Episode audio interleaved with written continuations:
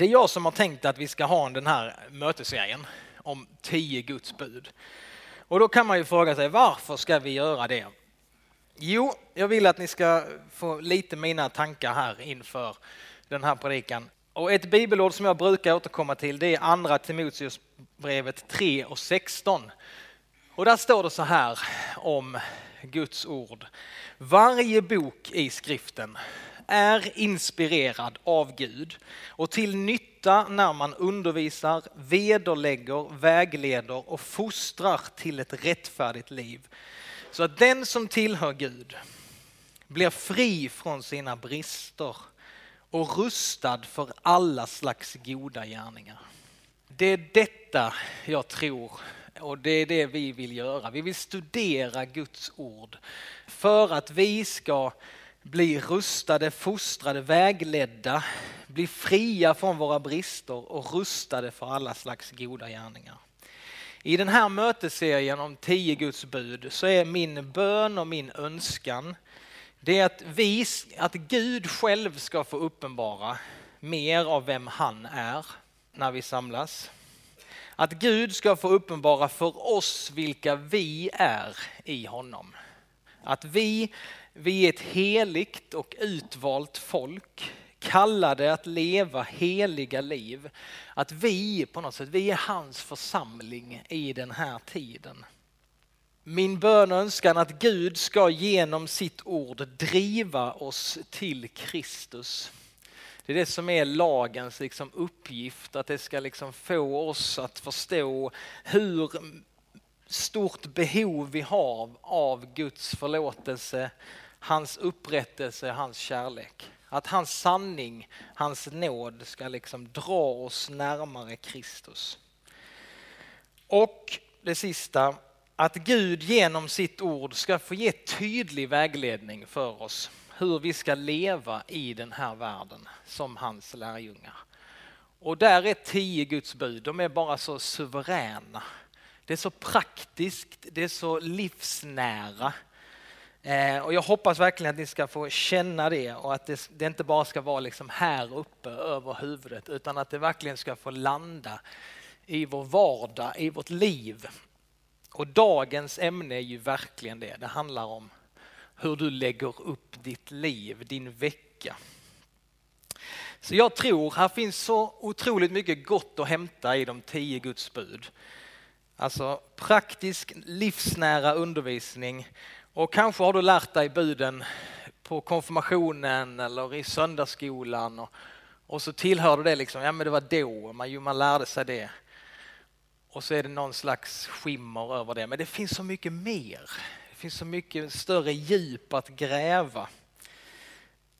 Och jag tror att på samma sätt som liksom den Vår Fader får vara en bön som jag återvänder till varje dag eller ofta, en bön som jag ber, så är tio Guds bud någonting som jag ofta, om om igen, bör spegla mig i.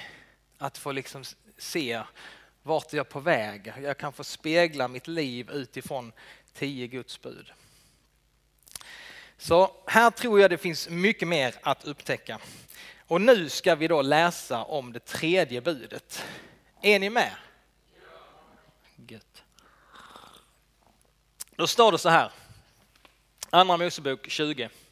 Tänk på att hålla sabbatsdagen helig. Sex dagar ska du arbeta och sköta alla dina sysslor. Men den sjunde dagen är Herrens, din Guds sabbat. Då ska du inte utföra något arbete, varken du eller din son eller din dotter eller din slav eller din slavinna, din boskap eller invandraren i dina städer. Ty på sex dagar, dagar gjorde Herren himlen och jorden och havet och allt vad de rymmer. Men på den sjunde dagen vilade han. Därför har Herren välsignat sabbatsdagen och gjort den till en helig dag. Så idag så ska vi prata om vila.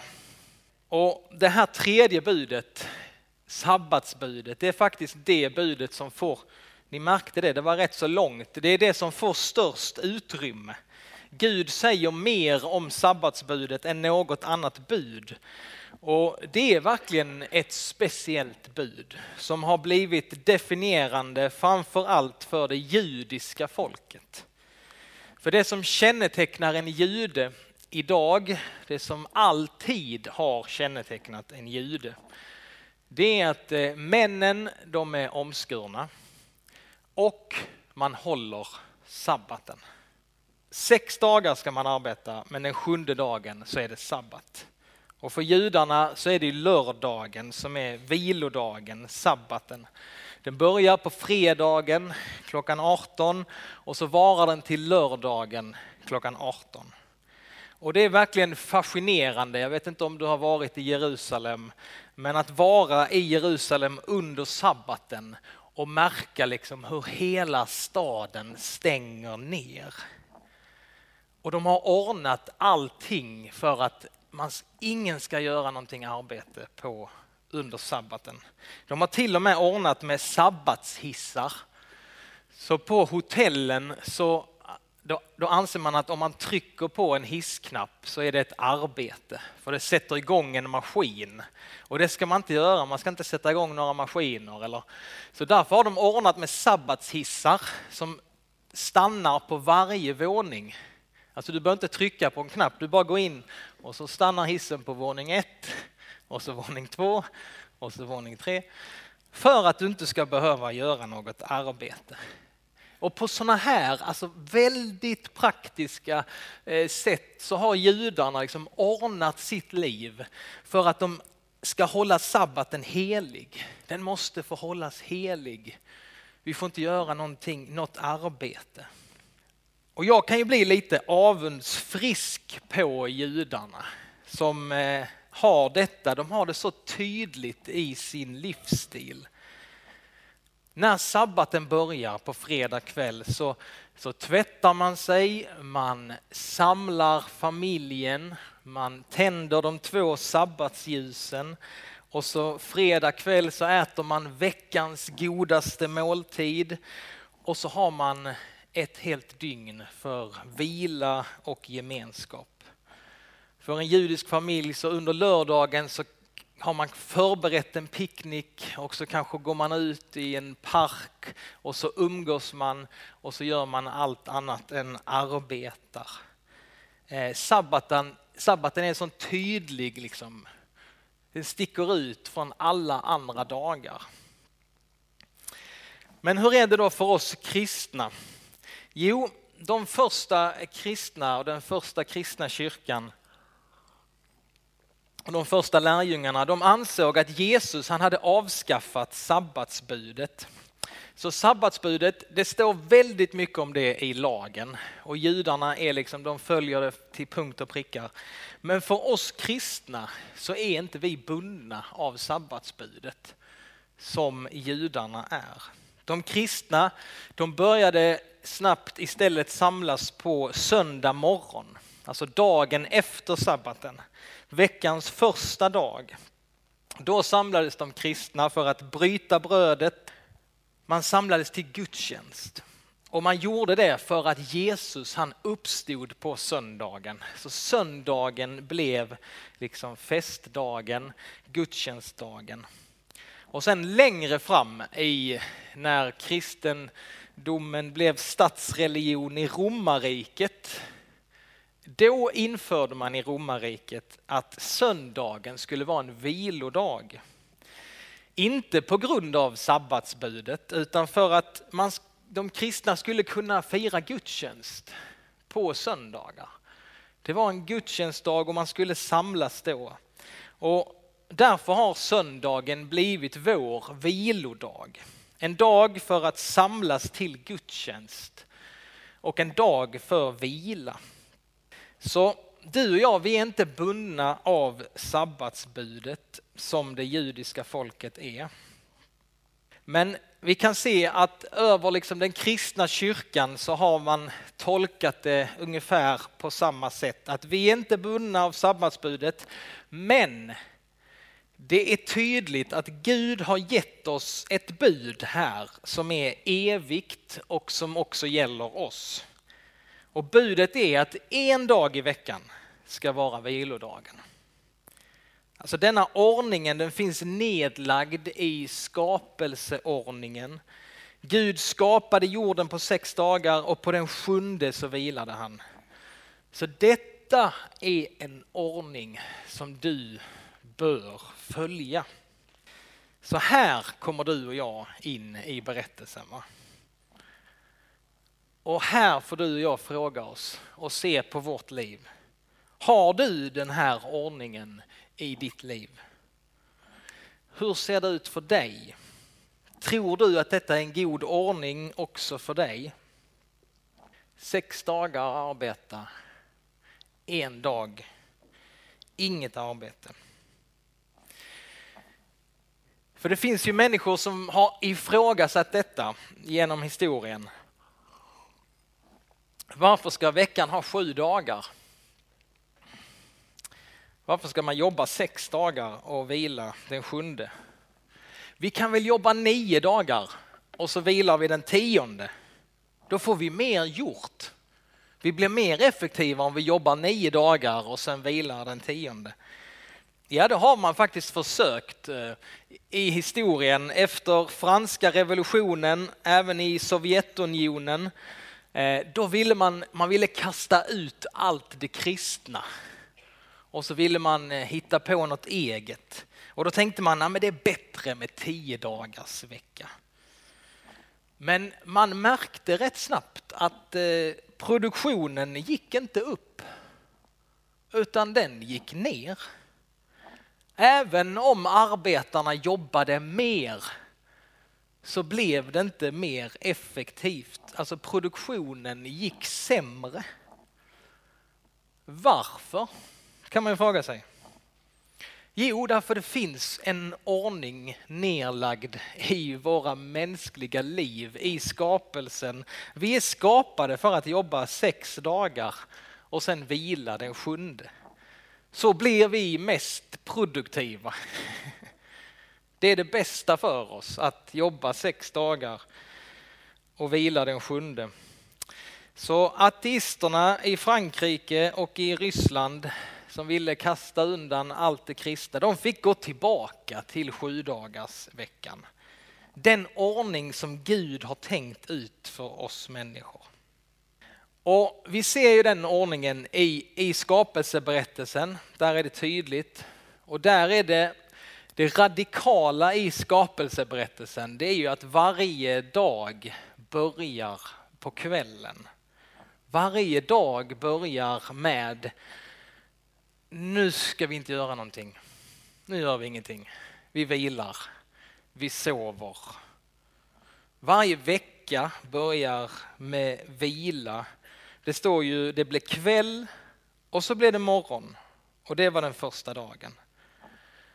Dagen börjar alltså med kväll. Dagen börjar med vila. Så skapelseberättelsen, det Gud vill säga till oss, det är att vi vilar för att kunna arbeta. Vi arbetar inte för att sen kunna vila utan vi vilar för att kunna arbeta. Det är Guds ordning. Det är så han vill ha det. Det är så han vill att vi ska se på det. Och Gud skapade människan på den sjätte dagen. Jag tycker detta är så häftigt.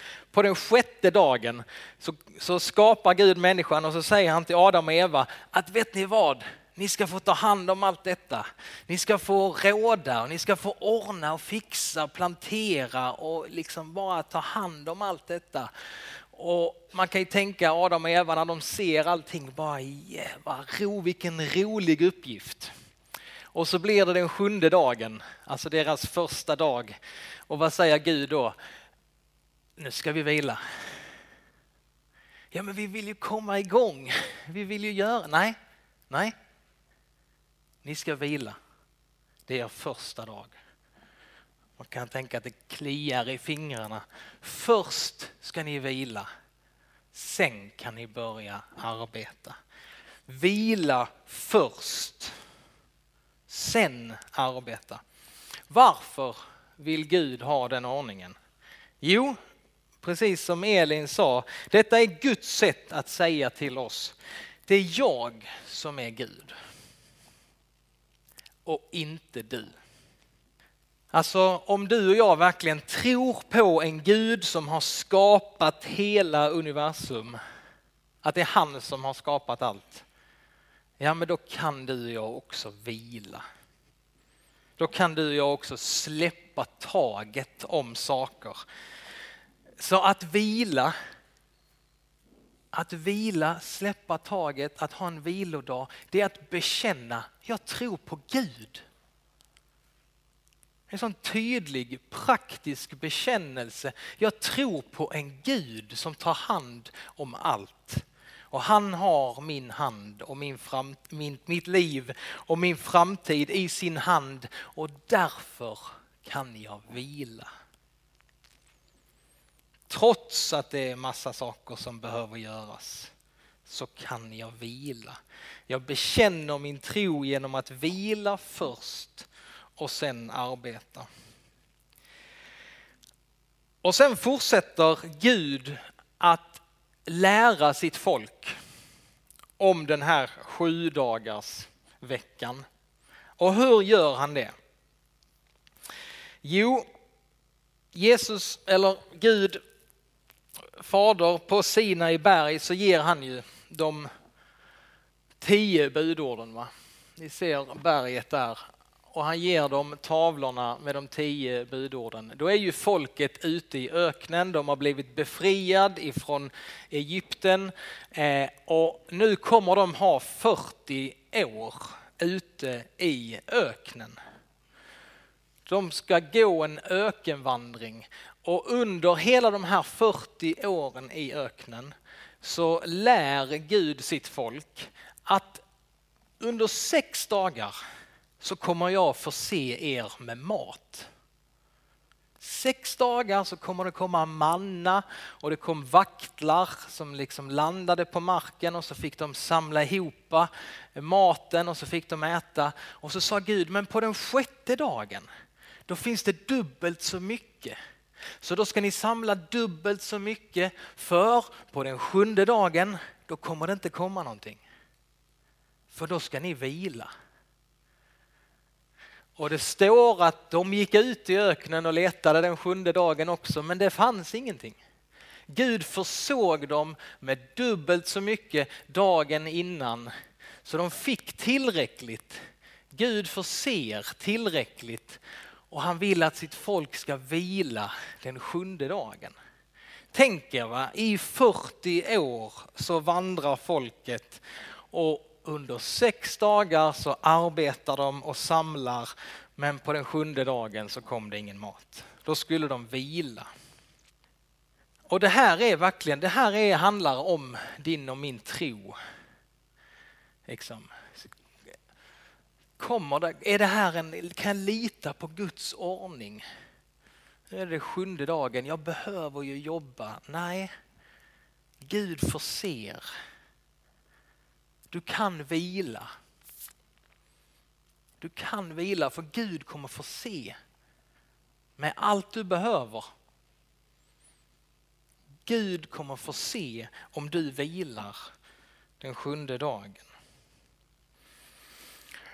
Det handlar om en förtroendehandling, det handlar om att bekänna min tro på Gud, att jag vilar